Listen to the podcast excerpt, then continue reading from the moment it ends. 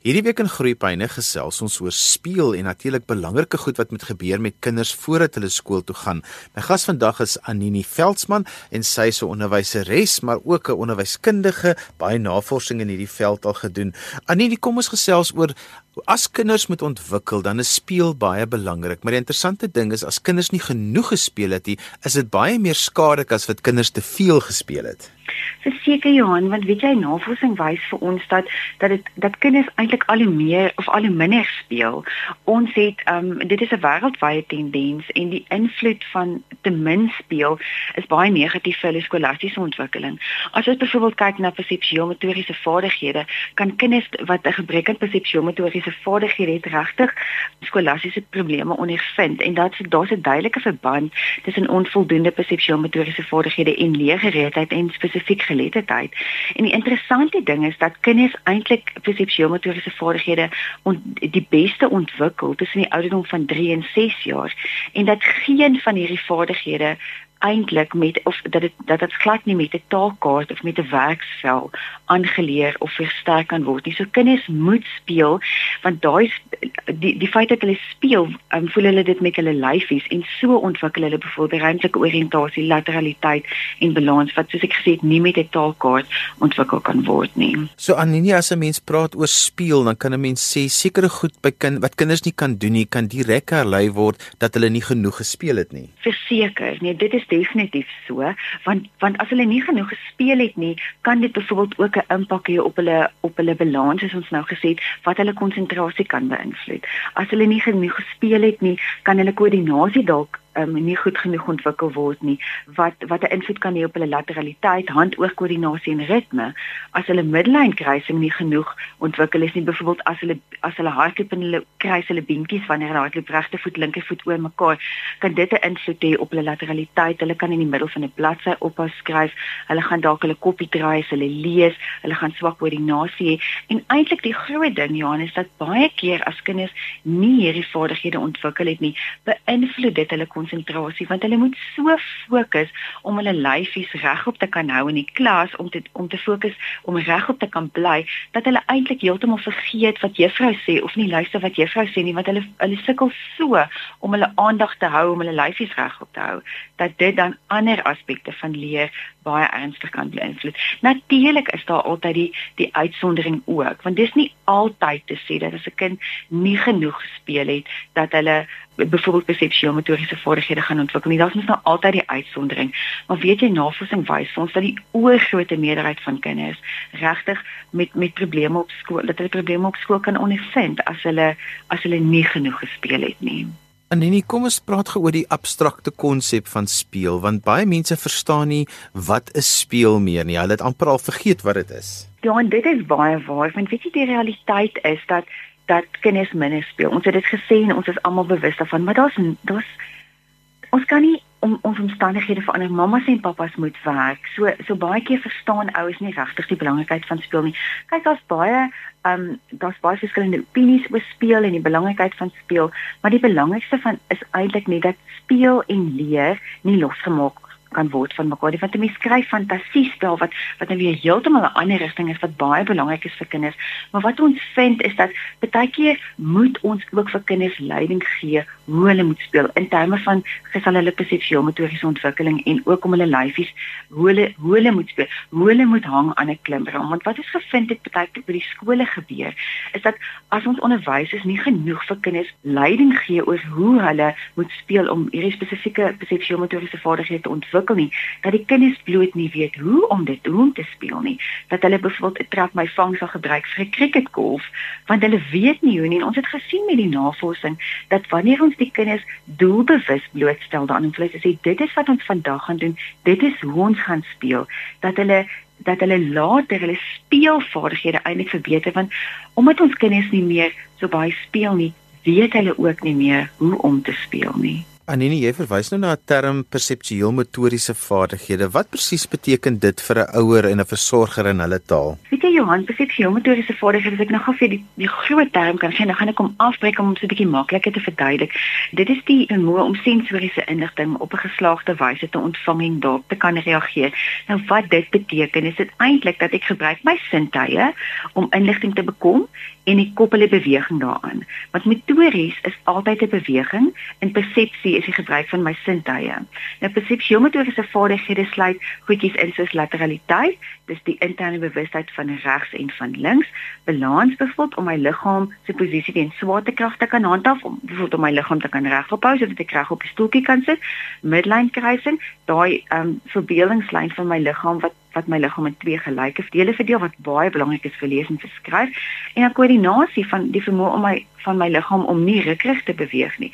En so kan ons aangaan daar's nog ruimtelike oriëntasie wat ook weer die in, innerlike bewustheid van my eie liggaam is in in die ruimte sowel as die posisie van voorwerpe met betrekking tot myself. Met ander woorde sit ek op 'n stoel staan ek langs 'n stoel is my voete onder die tafel staan ek agter die stoel. En dit is ook baie belangrik vir lees en vir skryf Anini, as ons wil praat oor dat speel belangrik is in voorskoolse skole en hulle noem dit ook 'n spelgebaseerde benadering, wat beteken dit presies? Weet jy Johan, spelgebaseerde benadering is dat leer en speel nie losgemaak kan word van mekaar nie, want baie keer dink ons dat kinders net bloot speel. Hulle speel omdat hulle hulle self besig voel daar dit gebeur ook, maar dan is daar nog steeds waarde in byvoorbeeld fantasiespel. Daar's baie baie waarde in fantasiespel. So met ander woorde, 'n spelgebaseerde benadering is speel speel leer. Dat kyk dat daar geen druk op kinders is nie, um, sodat hulle nie regtig besef hoeveel hulle deur speel leer nie, want speel is is 'n natuurlike um dit dit navorsing wys vir ons dat speel en beweging 'n betekenisvolle medium is vir die ontwikkeling van kognitiewe, sosiale, emosionele en fisiese vaardighede en dat jy speel reg deur die kind se voorskool en primêre skooljare moet plaasvind want dit is waarmee hulle gemaklik voel. Geen kind verkeer onder druk as hulle speel nie want dit want dit is dit moet vir hulle lekker wees. Anini as 'n mens baie keer by 'n kleuterskool of 'n voorskoolse skool aankom, sit al die kinders by sulke klein tafeltjies op stoeltjies en hulle is besig om sulke aktiwiteite op werkkaarte te doen. Dit is nie speel nie. Johan, dit is beslis nie speel nie. Weet jy, as ons eers gaan kyk na die emosionele um effek daarvan op kinders. Weet jy wat kinders wat klein is moet beweeg en hulle moet rondhardloop en boomklim. Boomklim, ek weet dit is nie altyd moontlik by alle skole dat kinders kan boomklim nie, maar ten minste dan op apparaat kan um kan buite kan speel en vry moet kan beweeg.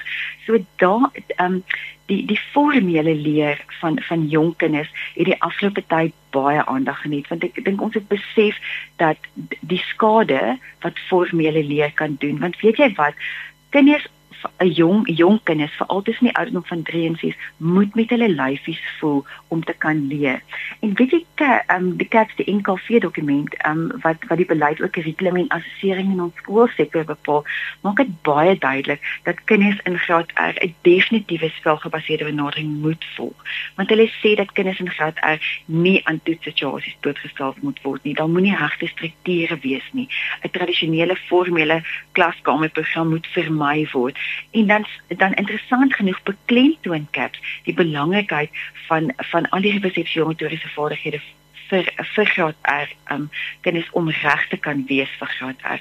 So om jou vraag te antwoord, daai formele benadering moet moet so ver as moontlik vir my kan. Weet jy wat Johan ouers verstaan baie keer nie die die verskil tussen informeel en formeel nie.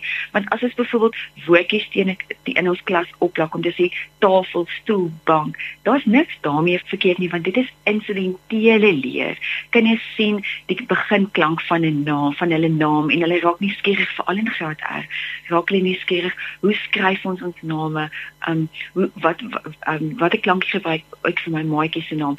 Want die feit dat hulle by tafeltjies sit en en vir lang periodes van die dag werksvelle en taakkaarte doen dit is waar die probleem kom want uiteraard as hulle meer van van die formele benadering gebruik in terme van drillwerk van klanke in graad in graad R en vir lang tye stil sit, beweeg hulle lyfies minder en kan hulle in elk geval ook nie meer konsentreer nie. As jy sopas ingeskakel het, jy luister na Groepyne hier op RSG 100 tot 104 FM en wêreldwyd op die internet by rsg.co.za. Onthou jy kan ook na RSG luister op die DSTV se audiokanaal 813. Vandag gesels ek met Anini Veldsmann en ons gesels 'n bietjie oor die belangrikheid van speel. Anini, ons het nou al 'n bietjie gepraat oor die belangrikheid van speel in die eerste gedeelte, maar nou wil ek 'n bietjie prakties raak. Jy het vreeslik baie navorsing gedoen by voorskoolse skole, gaan kyk wat gebeur op die speelgrond, wat gebeur met aktiwiteite. Wat is die belangrike aktiwiteite wat daar moet gebeur? En ek weet ouers kan ook baie van hierdie aktiwiteite sommer by die huis doen. Ja, Johan, dit dit was vir ons baie belangrik dat dat die aktiwiteite wat ons ontwikkel het van die aktiwiteite het, het is deur onderwysers, deur graad R onderwysers, vir graad R onderwysers of jonger um klassies ontwikkel. So so wat lekker was van die program is dat elke aktiwiteit is deur die onderwysers in hulle klasse self gedoen. So ons het gesien wat werk en wat werk nie ons het dit aangepas. Maar dit was vir ons baie belangrik dat die dat ouers dit by die huis ook moet kan doen. So die apparaat wat ons nodig het is basiese goed wat meeste ouers in hulle huis het en as hulle dit nie beskikbaar het nie, byvoorbeeld balle, hoe 'n bal baie maklik met 'n koerantpapier en rekkies gemaak kan word. So as ons kyk na na die tipe aktiwiteite wat wat so wat wat ouers met hulle kinders kan doen is, is byvoorbeeld kyk na liggaamsbewustheid. 'n Liggaamsbewustheid is om te weet waar die verskillende dele van my liggaam is. 'n Eenvoudige aktiwiteit is gebruik 'n blokkie so die blokkie byvoorbeeld op jou arm, jou kop, jou toon en en dan kan jy sommer daai um daai dele van die liggaam benoem ook. Dan is dit om kombineer met balans wat wat die wat die vermoë van vir 'n kind om sy lyfie regop te kan hou. Is dit maak jou oë toe en voer die opdrag uit. En dan gaan ons sien gaan baie van ons kinders omval. En dan as hulle bietjie groter is, kan ons sê, "Goed, nou vat ons daai blokkie en nou sit hom op jou regterhand, sit hom op jou linkerhand." Um en dan werk ons sommer 'n bietjie aan lateraliteit ook wat baie belangrik is vir lees en skryf. As ons verder wil kombineer, vat ons ons regterhand en ons sit 'n blokkie op ons linkervoet en dan aan doen ons nou 'n midline kruising ook. So met een aktiwiteit kan ons aan so baie persepsiomotoriese vaardighede werk ander aktiwiteit wat wat ons as net die kinders verskriklik baie geniet het is hulle staan in 'n ry en voor sit ons um, is 'n stoeltjie ons sit net maar 'n waterbottel op die stoeltjie hulle eie waterbottel nou maar vir higiëniese redes maar die waterbottel is leeg. En dan hop hulle dubbelvoet vorentoe wat ons sommer al klaar aan balans werk hop vorentoe en wanneer ek by my waterbottel kom buig ek af en ek tel hom op met my mond met tandjies kan nou nie seker nie van die bottels moet nou lig en hy's leeg. En dan moet ek die bottel weer terugsit op die stoeltjie. En dit was baie interessant hoe die hoe baie van die kindertjies daar hulle balans verloor het. En dan huppel ek byvoorbeeld agtertoe wat ek op 'n ritme kan doen. So ons werk aan ritme as ek nou weer in die agter in die ry gaan staan of ek spring een been wat ek aan balans werk. En dan as ek op daai een my een been spring seker of ek spring op my linkerbeen of ek spring op my regterbeen. So eintlik met een aktiwiteit kan ons so baie goedjies doen. Ons kan boontjie sakkies gebruik en ons kan om dit op ons kop te sit of ons kan ons boontjie sakkie op ons voet sit en ons gooi hom op in die lug en ons vang hom met 'n regter of 'n linkerhand. So eintlik is daar so baie variëteite wat 'n mens um wat 'n mens of aktiwiteite wat 'n mens kan doen. Anini, maar wat is die verband tussen hierdie om 'n boontjie sakkie nou sê maar van jou voet af te gooi en met jou ander hand te vang en akademiese ontwikkeling van kinders om te kan lees en skryf en wiskunde doen? So Johan, daar is baie baie navorsing daaroor gedoen. Nie net in Suid-Afrika nie, maar dit is regtig die afgelope tyd 'n wêreldwye belangstelling want ons besef ons kinders speel regtig internasionaal en wêreldwyd heeltemal te min. As ons wil kyk na koördinasie wat ons nou nou gesê het, die vermoë van my liggaam is om nie rukkerig te beweeg nie. As ek in koördinasie probleme het of as ons nie genoeg aan koördinasie gewerk het nie, gaan die kind waarskynlik sukkel met ritme. Die ritme is baie belangrik om om liedjies en versies en rympies te kan onthou, maar ook later wanneer ons lopende skrif skryf. En dan is as ons nie genoeg koördinasie het nie, gaan lateraliteit ook 'n probleem wees dat ek gaan sukkel om tussen regs en links te kan onderskei. En dit is nou gou-gou vinnig dink hoe baie keer in 'n klas word daar van kinders verwag in graad 1 om te weet waar is regs en te weet waar is links. As ons dan nou 'n bietjie meer na lateraliteit kyk, wat is gesê die vermoë om tussen regs en links te onderskei, as ons nie weet waar as ons nie lateraliteit ont, genoeg ontwikkel het nie, gaan ons sukkel met ruimtelike beplanning. So ons kan sukkel om te weet ek staan agter my stoel of onder my stoel of ek staan by my stoel. Koördinasie, um, rigtingbewustheid, waar's bo en waar's onder, balans, midline kruising om my regterhand na my linkervoet te kan neem en ook my grootmotoriese vaardighede. 'n Ander ene wat ook baie probleme op skool kan veroorsaak as ons nie voldoende ruimtelike oriëntasie nie. Ons het gesê dit is wanneer ons weet ek sit op my stoel of langs my stoel. En wanneer kinders nie genoeg ruimtelike oriëntasie het nie, Johan, sukkel hulle wanneer hulle in graad 1 is om tussen lyne te skryf. Hulle sukkel met die grootte van letters en die posisie van letters en dit te verstaan. Um as op die posisie tussen letters wat baie keer gebeur dat kinders sal wo woordjies aan mekaar skryf soos ek is 'n kat, sien maar 'n bietjie later as hulle in graad 1 is en alles staan styf teenoor mekaar, daar's glad nie spasies nie.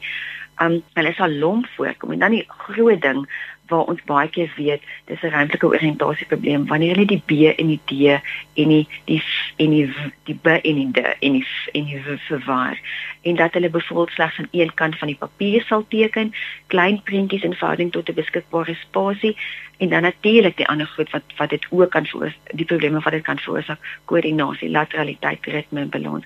So al hierdie um persepsiometriese vaardighede. Dis 'n fondasie wat gebou word vir leer vir wanneer vir wanneer die kinders na graad 1 toe gaan of graad 2 toe gaan.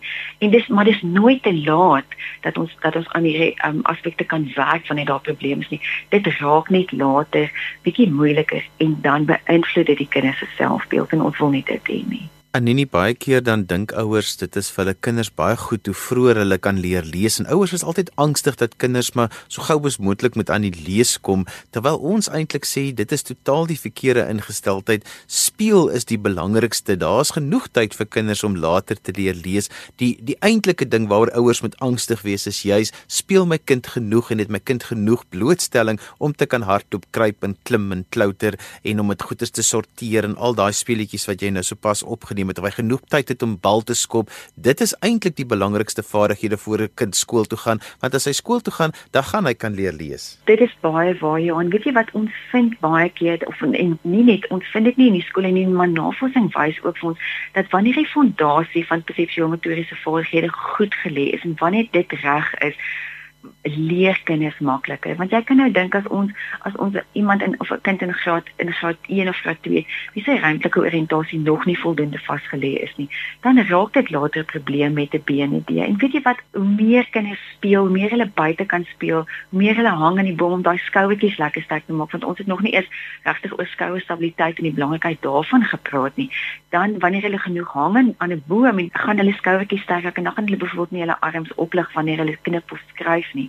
So so daar sal genoeg tyd wees vir kinders om te leer. Ek sê altyd laat ons kinders so lank as wat hulle kan nog kinders wees want wanneer hulle groter raak, is daar so baie goed wat hulle moet doen wat hulle nie altyd wil doen nie. So terwyl hulle klein is, laat hulle speel um, sodat hulle daai vaardighede kan ontwikkel sodat hulle hulle gereed is wanneer hulle na graad 1 toe gaan. Anenie, ons is al vir baie jare bewus in stedelike omgewings dat kinders nie genoeg beweeg nie en dat dit 'n impak het op hulle akademiese ontwikkeling en kleuterskole is al al meer ingerig juis om vir daardie probleem voorsiening te maak, maar jy het ook baie in landelike gebiede gewerk en daar het jy ook 'n soortgelyke ervaring gekry waar mens eintlik nie 'n verskoning het nie want daar is genoeg plek vir hulle om te beweeg. Ja, en dit is baie waar, maar ek dink die groot ding wat ons wat ons deur gaan sien of dit in landelike omgewings en of dit in stedelike omgewings is, is dat ouers is onbewus. In is ouers is onbewus van wat hulle moet doen, maar ook ouers is besig.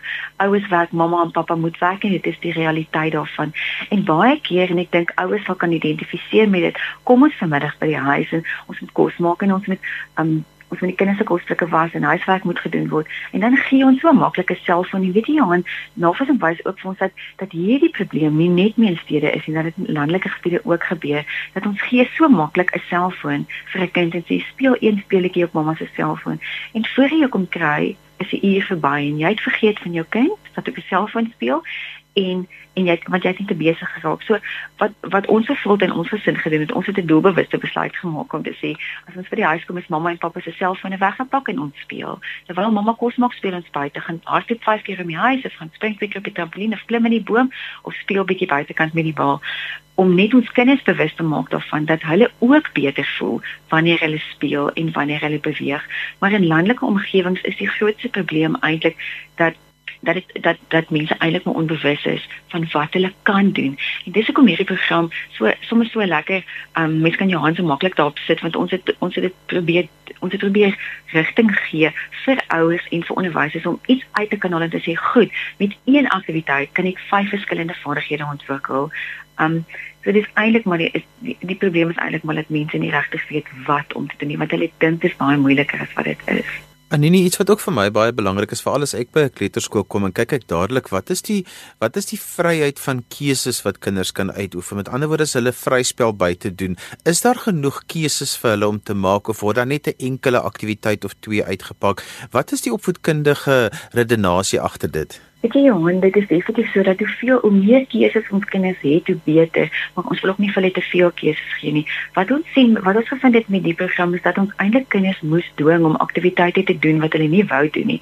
Daar was daar was nie met die vryspel was daar baie keuses van wat hulle kan doen, maar wanneer ons wou hê, hulle moes aan balans of koördinasie die dag daaraan werk dan was daar baie maatjies wat nie wou nie want hulle van kinders is ook slim. Hulle weet, hulle sukkel bijvoorbeeld met om om op 'n bietjie te kan spring en dan dan wil hulle dit nie doen nie. So wat ons wat ons gedoen het is ons het regtig die kinders gebruik om mekaar te leer. Want dit is wonderlik hoe hulle van mekaar leer. Ons het byvoorbeeld um, iemand wat gesukkel het om te huppel, het ons 'n ander maatjie gevat en in sy hand om sy lyf gesit en hulle het saam gehuppel en dit was wonderlik om te sien hoe die kinders van mekaar leer. Maar wanneer ons vrystel het, wil ons hê die kinders moet op die klimraam kan klim. Hulle moet kan hang. Maar weet jy Johan wat ons ook gesien het is dat alhoewel ons daai keuses van vryspel vir die kinders gee met buitespel dat hulle met enige aktiwiteit kan speel weet baie van ons kinders nie hoe om dit te doen nie. Hulle weet nie hoe om te hang aan 'n klimraam en hoe om hulle handjies te kan skuif van die een gedeelte van die klimraam na die ander gedeelte van die klimraam te skuif nie. En daarom doen hulle dit nie, want hulle met hulle skouerstabiliteit is waarskynlik nie goed genoeg nie. En hulle kinders wil nie hulle self blootstel aan iets wat nie vir hulle lekker is nie. So partykeer soos ek gesê het, is dit goed om vir hulle daai keuses te gee, maar ook partykeer moet ons hulle bietjie dwing om goed te doen wat hulle nie wil doen nie sodat hulle daai spesifieke vaardigheid kan ontwikkel. Aninia skole en onderwysers en um, ouers met jou wil kontak maak, hoe kan hulle dit doen? O, oh, dit was my baie lekker wees as hulle met my kontak maak. My my e-posadres is anie a n i e v e l d s m a n @ ip www.ac.za. En so gesels Anini Veldsmann en daarmee het ons gekom aan die einde van vandag se groeipyne. Ons het 'n bietjie gepraat oor speel vandag, hoe belangrik speel is, maar ook hoe belangrik dit in die impak wat dit het, het op kinders as daar nie genoeg gespeel word nie. My gas was onderwyskundige Anini Veldsmann. Onthou jy kan weer na vandag se program luister as 'n potgooi. Laai dit af by rsg.co.za. Skryf gerus my e-pos by groeipyne@rsg.co.za. daarmee groet ek dan vir vandag tot volgende week van my Johan van Lille. Totsiens.